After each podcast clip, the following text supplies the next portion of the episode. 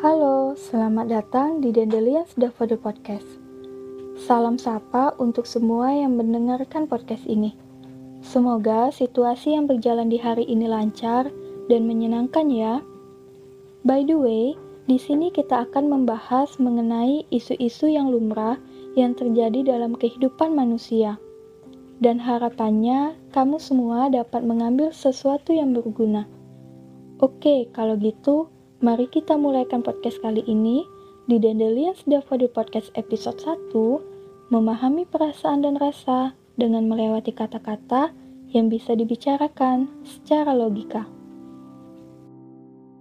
Hidup itu bagaikan jalan, jalan raya maksudnya. Akan selalu ada lubang, belokan, atau persimpangan, dan beberapa hambatan yang bisa mengganggu perjalanan menuju ke tempat tujuan. Namun, itu semua tergantung pada si pengemudi.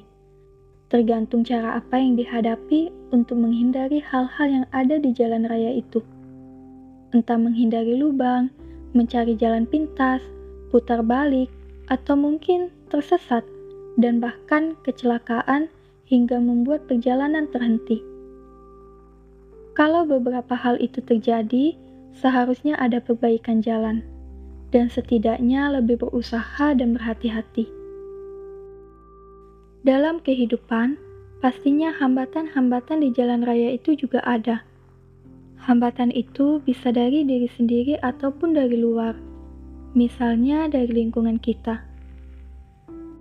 Hambatan dalam kehidupan ini bisa berupa perasaan-perasaan yang mengganggu, seperti perasaan wajar atau tidak bagi manusia merasa tidak pantas di lingkungannya, ataupun merasa tidak tepat ada di sana. Padahal semuanya udah ditulis di takdir kita masing-masing. Kapan kita bertemu, siapa yang kita temui, dan kita juga berkumpul dengan orang lain sebenarnya atas dasar kemampuan yang kita miliki. Tapi terkadang kita seolah dibuat tidak percaya dengan diri sendiri Bahasa sekarangnya itu minder, atau kita kenal dengan insecure. Insecure ini ternyata benar-benar penyakit. Penyakit yang membuat perasaan kita terganggu dan merasa tidak aman.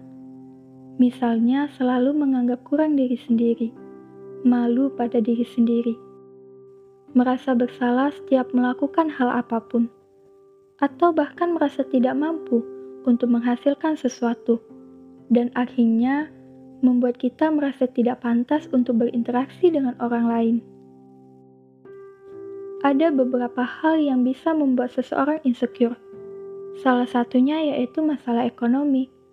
Untuk beberapa orang yang insecure soal ini, sebenarnya faktor utama itu dari lingkungan sekitarnya, yang membuat dia merasa tidak punya teman ataupun pasangan. Hanya karena kondisi ekonominya yang rendah. Dari faktor lingkungan inilah akhirnya merambat ke dalam diri sendiri, sehingga membuat ia merasa selalu kurang dan malu atas kondisi ekonominya. Bahkan ia merasa semua orang yang ia temui akan berpikir sama tentang ekonominya, dan mungkin hanya memandang dirinya dari segi ekonominya, yang padahal setiap orang itu berbeda cara pikirnya. Mungkin ada yang bisa menerima kekurangannya.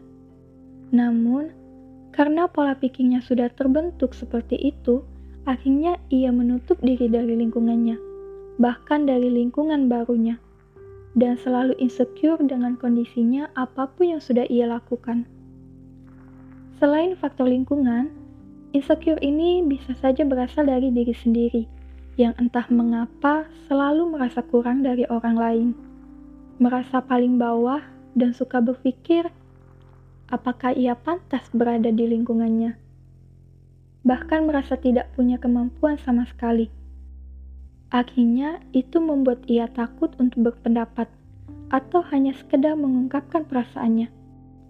Misalnya, ia takut untuk bermedia sosial atau takut untuk memposting beberapa hal yang sebenarnya sangat ingin dia posting ia terlalu takut dengan penilaian orang-orang di sekitarnya. Ia takut mereka membicarakan hal-hal buruk tentangnya.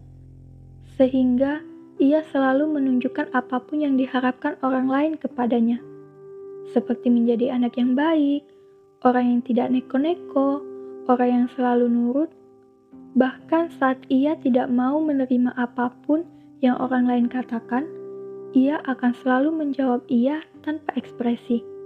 Namun, karena sikapnya yang seperti ini, ia dianggap sebagai orang yang bermuka datar, orang yang tidak bergaul, atau orang yang tidak mengenal dunia. Orang-orang yang insecure dalam hidupnya, ketika merasa lelah dengan kehidupannya, ia biasanya menangis dalam kesendirian karena ia terlalu takut jika ada yang melihatnya menangis, takut untuk dianggap lemah dan rendah, yang akhirnya bisa membuatnya semakin merasa tidak pantas berada di lingkungannya.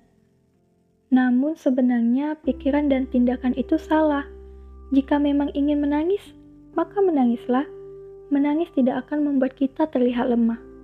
Menangis juga tidak akan memberikan kita gelar sebagai orang yang cengeng. Tapi jangan lupa bahwa diri kita ini berharga. Jangan merasa malu dan takut. Awalnya pasti sulit sekali, namun jika terus berada di zona-zona ketakutan, kita tidak akan pernah berubah, dan langkah kita tidak akan pernah maju. Kita yang selalu menganggap bahwa orang lain lebih hebat dari diri kita sendiri, mungkin sebenarnya mereka juga merasa tidak pede, merasa takut berinteraksi dengan orang lain. Namun, mereka berani, berani untuk beranjak dari tempatnya dan memulai langkahnya. Ini semua pasti sulit, tapi semua harus diatasi.